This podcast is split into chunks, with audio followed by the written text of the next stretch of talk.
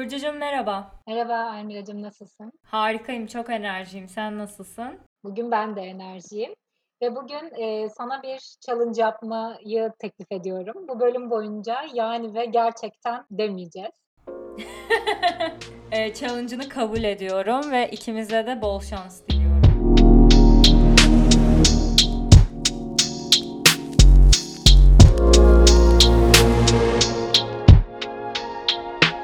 Yani bu hafta büyük ihtimalle çok heyecanlısın diye düşünüyorum. Çünkü senin yani çok büyük tutkularından biri olan Kore kültüründen konuşmaya karar verdik. Evet, yani bu benim gerçekten varoluş tarihimin kara bir lekesi çünkü gereğinden daha fazla tutkuluyum sanırım bu konuya karşı. Böyle, eee, cidden şey var, böyle birkaç tane kültüre karşı ben inanılmaz çekiliyorum. İşte Yunan kültürü bunlardan bir tanesi, Kore kültürü bunlardan bir tanesi, de Japon kültürü var. Hı hı. Bir de Crown'la birlikte İngi- İngiliz kültürü diyor düşünüyorum artık. İngiliz kültürü değil, Crown benim için ayrı bir zevk yani ama genel olarak böyle bir İngiliz kültürüne karşı böyle bir Japon, Kore ve Yunan şeyine karşı beslediğim hisleri beslemiyorum aynı şekilde. Ama İngiliz yapımı dizileri, filmleri her zaman severim. Anladım. Sadece royalty. Ee, bu arada yani Kore kültürü dedim ama aslında genel Asya kültürü yani Asya e, şeyinden bahsedebiliriz belki biraz daha geniş çaplı ama tabii ki Kore odaklı çünkü en çok bildiğimiz örnekler Kore'den açıkçası Güney Kore'den yani spesifik olarak. Aynen öyle. Şöyle aslında ben özellikle mimari açıdan aslında Japon kültürüne de çok fazla ilgi duyuyorum. Popüler kültür olarak Güney Kore'ye kesinlikle Japon kültürüne olduğundan daha yakınım diyebilirim. Hı hı. Ee, öncelikle şeyden bahsedelim istersen. Biz buna nasıl tanıştık? Yani sen benim aracılığımla tanıştın tabii ki de. Senin zorunla yani aracılığınla değil. Cidden zorunla oldu diyebiliriz. Ee, ben şöyle tanıştım aslında. İnternete e, dizilerin düştüğü ilk zamanlarda böyle çok fazla dizi ve film izlerdim. Ondan önce de işte televizyonda zaten küçüklüğümüzden beri hep böyle bir işte Friends kültür ve onunla beraber e, Amerikan dizilerine böyle bir hani yatkınlığımız vardı ve çok fazla izlerdik. Yani çoğu o dönemin dizilerini izlemişizdir diye düşünüyorum popüler olan. Neyse bir yerden sonra ben gerçekten tıkandım ve izleyecek dizi bulamamaya başladım. Dedim ne yapabilirim falan. Bir siteye denk geldim. Orada da Asya dizileri vardı ve öyle bir Tayvan dizisine başlamıştım. Ve inanılmaz sevmiştim. Öyle e, hani bu, o bitince başkasını izledim. O bitince başkasını izledim. Baş- baktım Tayvan'da da artık daha sevdiğim dizi kalmadı.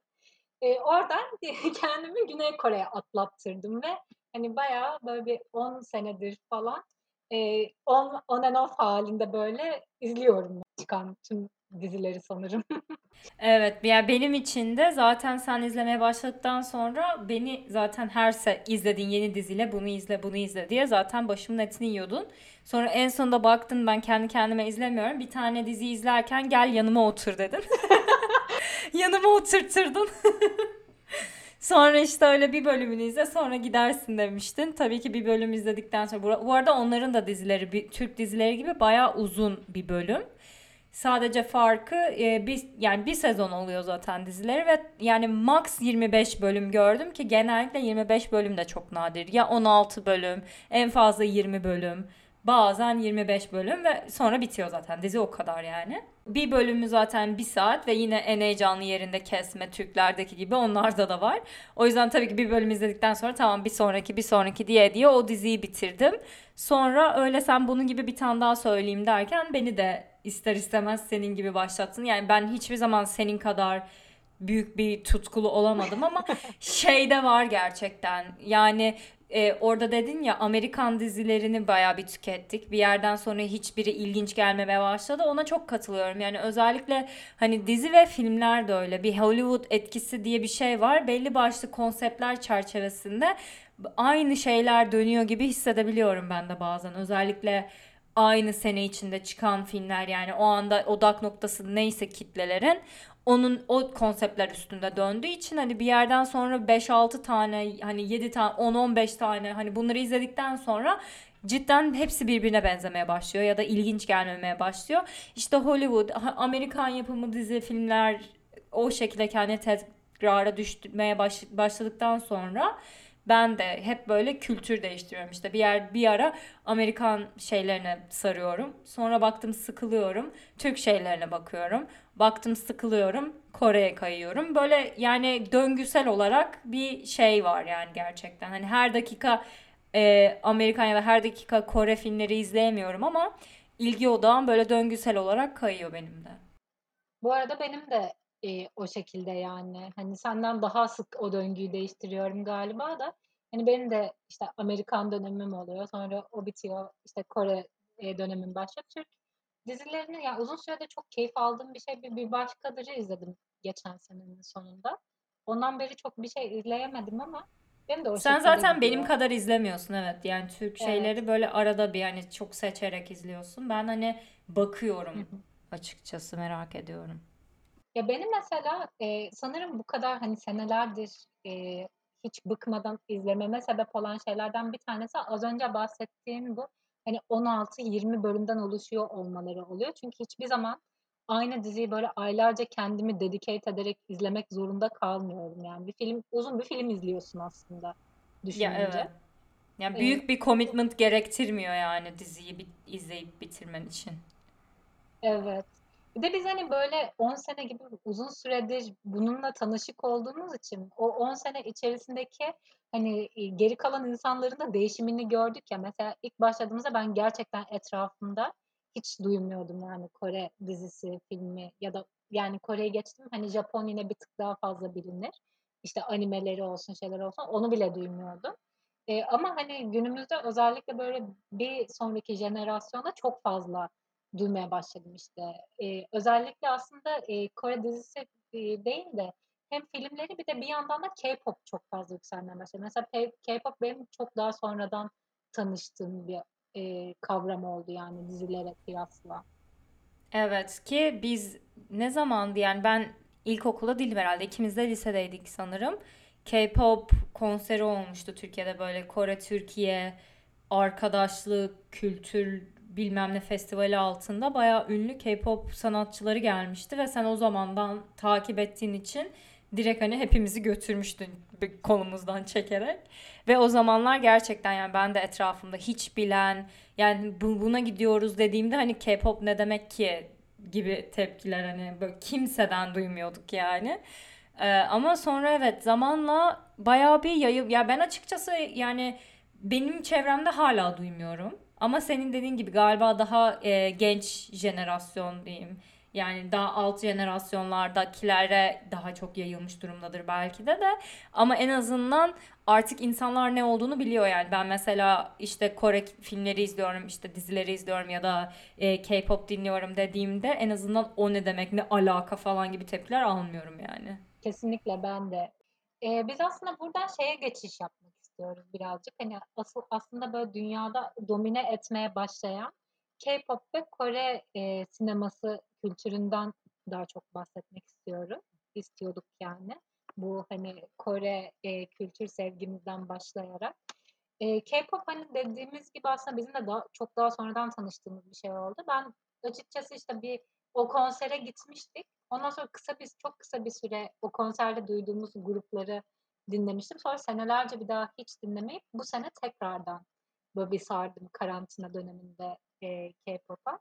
Eee, bunun da sebeplerinden bir tanesi aslında artık böyle özellikle BTS, işte Blackpink gibi bazı grupların eee, dünya çapında böyle ünlenmiş olması. Artık bunlar hani James Corden'a falan da çıkıyorlar. İşte late night show'lara çıkıyorlar. Bayağı hani Amerika'da Coachella'da sanırım e, Blackpink konser vermişti diye hatırlıyorum. Bayağı hani böyle stadyum dolduran e, gruplar olmaya başladılar.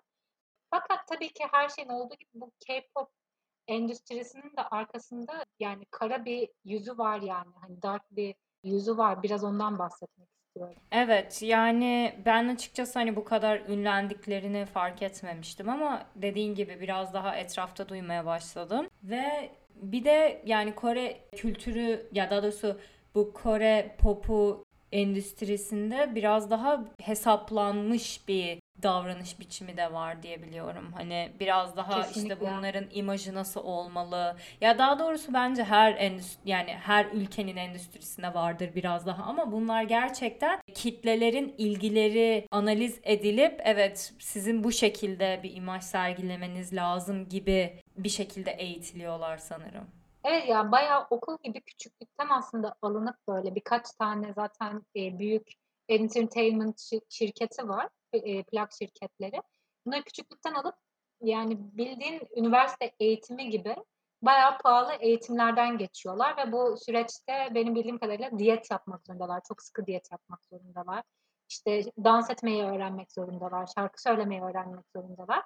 Bunlar grup grup hani çıktıkları için aslında K-pop kısmından bahsediyorum hani dizi kısmından değil.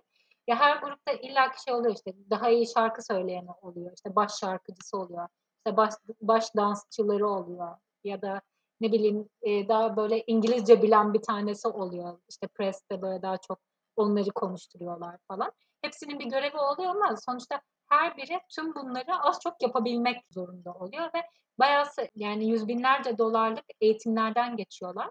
Ve ba- bana daha da garip gelen şey debüt ettikten sonra yani grup piyasaya sunulduktan sonra mesela gruptaki tüm üyelerin aynı evde yaşaması gerekiyor. Ve hiçbir skandala adları karışamaz. Yani inanılmaz ünlenmedikten sonra işte adın biriyle anılamaz. Bu da skandal olarak sayılıyor işte Güney Kore'de. Çünkü hayranların sana inanılmaz yani takıntılı derecede hayranlar ve hani e, biriyle görmemeleri lazım seni. Çünkü direkt o kişiye karşı hani nefret oluşturup e, bir de onun üzerine hayranlıkları azalabilir diye belki düşünüyor olabilirler.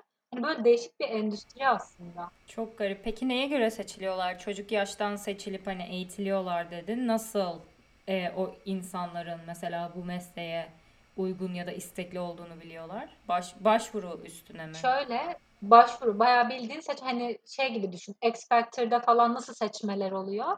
İşte bu entertainment şirketleri de yılda iki ya da üç kere bu tarz seçmeler yapıyorlar ve seni böyle atıyorum seçtikten birkaç ay sonra da piyasaya sunabiliyorlar. Ama seneler de sürebiliyor bu. Ve grupta aynı grupta çıktığın, piyasaya sürüldüğün insanlar tamamen hani böyle random bir şekilde seçiliyor.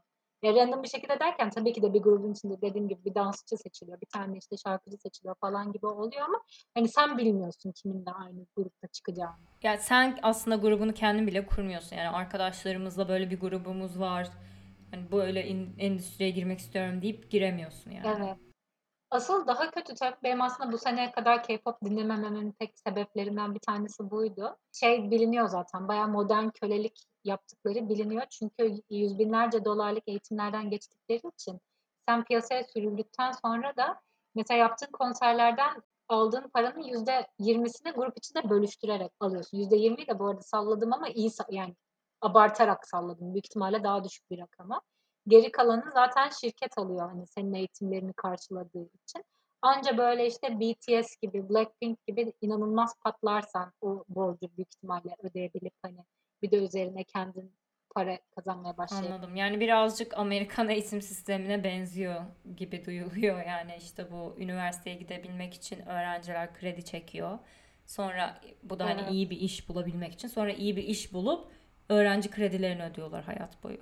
Aynen öyle.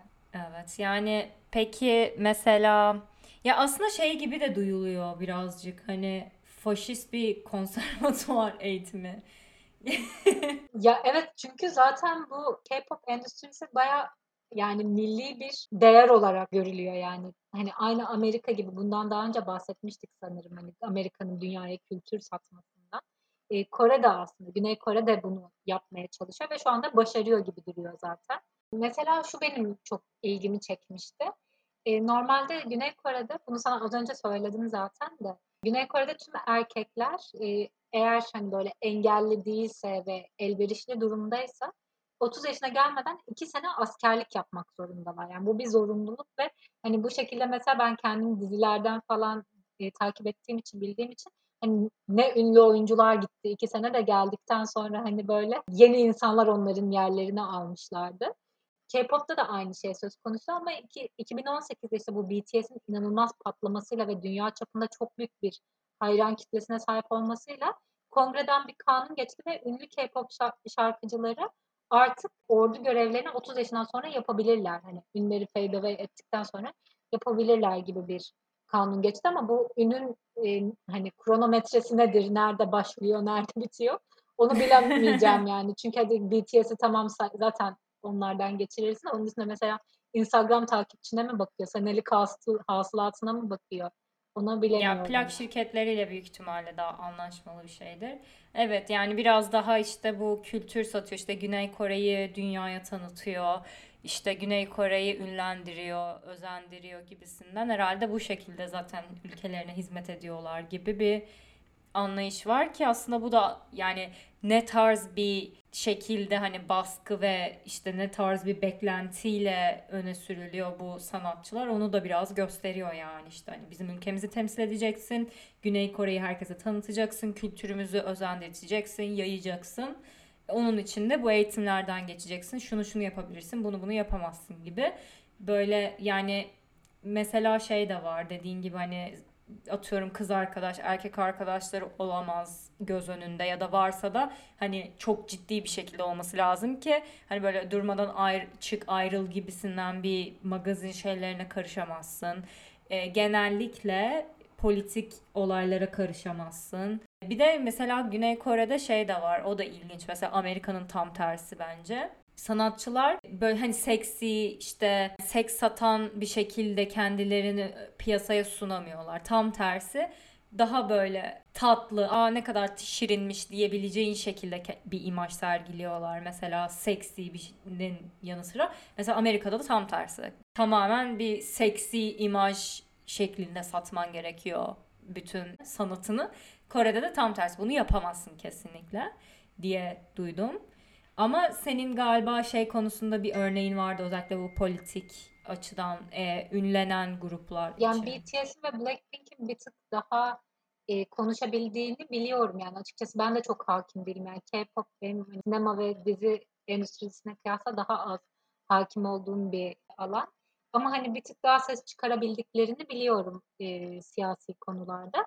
Ama e, şey yani burada aslında söz konusu olan şey grupların konuşması değil de yani hayranların e, yarattığı etkiler daha büyük oluyor. Yani işte bu mesela BTS hayran kitlesi ARMY olarak biliniyorlar ve gerçekten yani tüm dünyada yayılmış bir ordu gibiler. Ve böyle birkaç tane harekette mesela işte bu Black Lives Matter'da falan inanılmaz seslerinin çıktığını biliyorum yani. Evet o da ilginç yani işte ünlenmeye ya da dünyaca ünlü olmaya başladıktan sonra biraz daha ya bilmiyorum aslında izinle mi alakalı hani izin mi verildi yoksa artık o kadar ünlüler ki plak şirketlerini dinlemek zorunda mı değiller bilemiyorum ama genelde işte böyle yani bunun özeti aslında kesinlikle hesaplanılmış ve belli başlı çerçeveler içerisinde hareket edebilecek şekilde sanatçılar yaratılıyor ve öne sürülüyor. Yani öyle benim yeteneğim var kendi kendime ünleneyim kendimi yaratayım gibi bir serbest piyasa ne kadar açık bilmiyorum. Yani en azından bu ünlü hani pop kültür için konuşuyoruz. Tabii ki hani Kore'nin atıyorum e, sanat müziği işte şey müziği yani kendi çaplarında olan gruplar hakkında pek bir fikrimiz yok. Yani lokal grupları tanımıyoruz. O piyasayı hiç bilmiyoruz. Evet bir de bizim konuştuğumuz daha çok hani boy band ve girl bandler yani bunun dışında solo sanatçılar var hani yine e, daha az bilinen ama yani dünyaya çok fazla açılmamış çok iyi sanatçılar da vardır illa ki. Evet ama mesela işte o dünya piyasasına açılanlar yani boy band ya da girl band olmak zorunda değil mi? Yani hepsi bir gruba konuluyor ve grup şeklinde piyasaya sürülüyor yani tek başına ünlenmiş. Yani benim bildiğim öyle. Zaten şeyler de genellikle eğer mesela solo sanatçılar da varsa mesela eskilerden ben eskileri bir tık daha iyi biliyorum. Çünkü lisedeyken işte bu özellikle konsere gittiğim sırada bir tık daha fazla dinliyordum yani. İşte Rain var. Biliyorsun sen de Rain'i biliyorsun. Evet. İşte o mesela bayağı ünlüydü ve daha sonradan böyle birkaç tane Hollywood filminde de oynadı. Hı hı. Ama hani oyuncu olarak öne çıktı. O da yani Kore'de büyük bir şarkıcıydı yakın bir zamana kadar. O mesela o da boy band'den çıkma yani. Hani solo artistler de aslında hep böyle gruplardan çıkıp çok ünlenenler oluyor. Anladım. Evet. Yani bir de onun üstüne hani K-pop yayılmaya başladı. Bir de yani dediğimiz gibi en başta yani filmler de özellikle ya dizileri o kadar bilmiyorum hala ne kadar Kore dizileri yaygın ama aslında Netflix'te falan bayağı büyük bir şey var, repertuar var. Ama tabii ki yine hala bilenler mi izliyor bilmiyorum. Şöyle yani bence diziler de aslında ya benim ilk izlemeye başladığım zamana göre daha çok yayılmış durumda ama dediğin gibi böyle Netflix gibi platformlardan hani başka ülkelerin e, dizilerine de çok rahatlıkla erişebiliyor olmamızdan kaynaklanıyor olabilir o. Ama yani ben kesinlikle dizi kısmının hani bir işte K-pop ya da Kore sineması kadar geniş bir kitleye sahip olduğunu düşünmüyorum açıkçası. Hı hı. Yani bilen biliyor yani dizi kısmını bence. Ama yine de onu izleyen kitle de az değil bu arada Kore sinemasının. Çünkü benim bildiğim kadarıyla Kore sineması yani dünyadaki ikinci ya da üçüncüdür belki hani en büyük dizi endüstrisinde. Ya benim bildiğim ikincisi Bollywood şey Hin- Hindistan'ın. Evet Türkiye'ninki de iki ya da üçten bir ya en fazla dörttür yani en düşük dörttür Kore'de. Anladım. Ya zaten ama hani işte dediğim gibi dizileri çok bilmiyorum ama filmler yani Amerika'da da bayağı ünlenmeye başladı. İşte Oscar'larda işte Parazit'le başladı ama bu sene de bayağı Nomadland yani yapım olarak Minari falan bayağı bir ün kazanmaya yani dikkat çekmeye başladılar. Evet. Ya zaten bu filmler yok değildi yani. Bence Kore sinemasının hani az bilinen çok güzel filmleri var işte. Mesela Bong Joon-ho'nun ilk çektiği film şey miydi? Parazit miydi? Değildi yani. E, ondan önce de hani gayet güzel filmleri vardı. İşte mesela Kim Ki-duk var yine çok güzel filmleri olan da o e, eskiden karısına şiddet uygulamış. O yüzden ben açıkçası onu birazcık hani onu duyduğumdan beri hiçbir filmini izlemedim ama yani güzeldi izlediğim filmleri açıkçası ama yine böyle hani uluslararası camialarda işte Cannes'da falan ödül alan filmleri olan bir yönetmen o da. E, bunun dışında yine birkaç tane daha var şu anda aklıma gelmiyor ama hani böyle yönetmenler var yani gerçekten güzel filmler vardı. E, fakat hani daha popüler kültür olarak yayılmasına sebep olan gerçekten Parazit'in en iyi Oscar ödülünü alması oldu ve hak ederek alması oldu. Yani sadece böyle işte İngilizce olmayan filme Oscar verelim gibi bir şey olsa bile arkasında gerçekten o seneki en güzel film oydu bence. Hak ederek aldığı için zaten bu kadar büyük yankı uyandırdı. Evet zaten onun üstüne dediğin gibi yani bir sürü artık Kore filmi izlenir hale geldi. Yani en azından benim Kore dizisi izlediğimi söylediğimde gülen arkadaşlarım arasında e, yani bir Kore filmi açıp hadi film izleyelim dediğimizde hani bir Korece olan Kore filmini açıp izlediğimizi biliyorum yani. Yani ben de ben mesela film olarak yine es, eskiden sanırım daha fazla izlerdim. İşte Parazit'ten sonra bir Bong Joon-ho'nun senin söylediğin filmini izlemiştim. Çok Memoirs of güzeldi a o. Murder mıydı? Bayağı güzeldi o. Evet. Onu, evet, onu yazalım hatta şeye yani gerçekten çok güzel bir filmdi o da evet. Evet ama hatırlıyorum yani biz eskiden mesela ona ne deniyor yani film festivali mi zamanında Evet. sanırım böyle işte e, festivaldeki filmler gelirdi ve biz hani onun üstüne bir sürü Kore filmi izlerdik sinemalarda yani şey hı. gibi değildi hani bu gişe filmleri gibi değildi de hani böyle Evet. daha e, kültür e, festivali filmlerini yayınlayan özel sinemalarda biz giderdik eskiden mesela. Yani dediğin gibi eskiden beri aslında çok güzel filmleri vardı ama çok adları duyulmuyordu ya da global anlamda çok fazla şey yoktu belki de dikkat Ya çekmiyordu. kesinlikle öyle. Evet cidden gidiyorduk artık yapılmıyor. Zaten pandemiden dolayı da kimsenin hiçbir yere gidebildiği yok. Geçen sene Parazit aldı. Bir de Koreli olmasa bile bu sene de işte Nomadland'in yönetmeni Çinli bir kadın yönetmendi. Ben ona da çok çok sevindim. Çünkü hani bence Nomadland e, benim bu arada bu sene izlediğim Oscar'lara dair tek film oydu.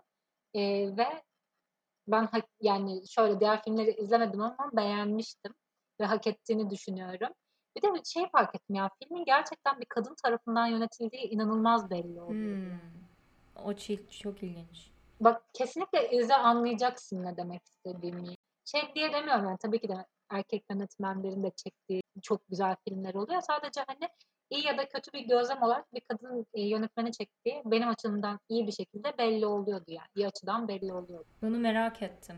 Bunu aklımda tutarak izleyeceğim. Bakayım hani tam olarak hangi elementler bunu da belli ediyor acaba. Şey gibi mi? Hani işte silah, savaş, aksiyon sahneleri belki daha az. Ya zaten öyle bir film değil yani. O konuyu Hmm. zaten e, hani erkek bir yönetmen de silah ve savaş olarak işlemezdi diye düşünüyorum. Ama mesela yani bir çıplaklık sahnesi bile yani bir kadın tarafından çekildiği belli olan bir şekilde Anladım. yapılmış. Evet bak bu çok güzel bir nokta yani işte Amerikan direktörler işte yabancı direktörler falan konuşuyoruz ama aynen yani çoğu yine hep erkek oluyordu. Aynen Şimdi öyle. dediğin gibi yani Çinli biri ama bir de kadın olması ilginç ve ben evet yani konuşmamdan da belli olduğu üzere hala izlemedim ama bakacağım. Merak ettim neyi kastettiğini. Programı bitirirken Almira e, anladığım kadarıyla programın gidişatından BTS'i tanımıyorsun. Ve yani birkaç tane şarkısını göndereceğim. Lütfen dinle yani. Evet. Dynamite'ı falan bilmiyor olamazsın ya. Yani sanırım yok Blackpink yollamıştın onları dinledim. BTS'i dinlemedim evet. Tamam. Dediğim gibi endüstriye karşıyım ve o yüzden çok fazla da grup keşfedip de dinlememeye çalışıyorum ama hani BTS'e düştüm bir kere. Evet yani bu arada evet sonunda hani böyle güzel yöne doğru gelişiyor diye bitirdim ama aslında hani en baştaki mesajımız da şeydi yani bu endüstri inanılmaz e, rekabetçi ve inanılmaz yani ne diyeyim artık manipülatif mi diyeyim faşist mi diyeyim nasıl na- nasıl tanımlayayım bilmiyorum ama yani kesinlikle sanatçıların üstünden hani yani sanatçılara dediğim gibi modern kölelik yaptıran bir sistem aslında yani çok da hani propagandası yapılacak bir sistem de değil. Hani çok e, şeyli yollardan geçerek yani dişli ve büyük ihtimalle yani nasıl diyeyim yanlış yollardan geçerek öne sürülen piyasaya sürülen bir sistem ama hani sadece şey açısından yani kültür tanıtımı açısından hani Doğu kültürünün de olaya girmiş olması güzel ama tabii ki bu e, sistemin de çok büyük yanlışları var. Güzel bağladım. O zaman e, bu bölümümüzün de sonuna gelmiş olduk. Umarım e, gerçekten dememişizdir. Dikkat ettim gerçek. Dikkat ettim buna. Az kalsın diyordum. Son dakikada Evet. patlıyorum. E, ama umarım tekrardan dinlediğimizde 150 kere dememiş e, oluruz farkında olmadan. Bundan sonra her bölümde bu challenge'ı tekrarlamayı öneriyorum. Bir de dinleyenlerimize şöyle bir küçük bir önerim var. Önceki bölümlerimizi dinleyerek e, her gerçekten de bir shot atabilirsiniz. Böyle bir oyun yapabilirsiniz bir yani. E, Evet. Robin'in badamı gibi. Evet tamam o zaman. Teşekkürler Burcucuğum. Ben teşekkür ederim. Haftaya görüşürüz. Görüşürüz. Bay bay.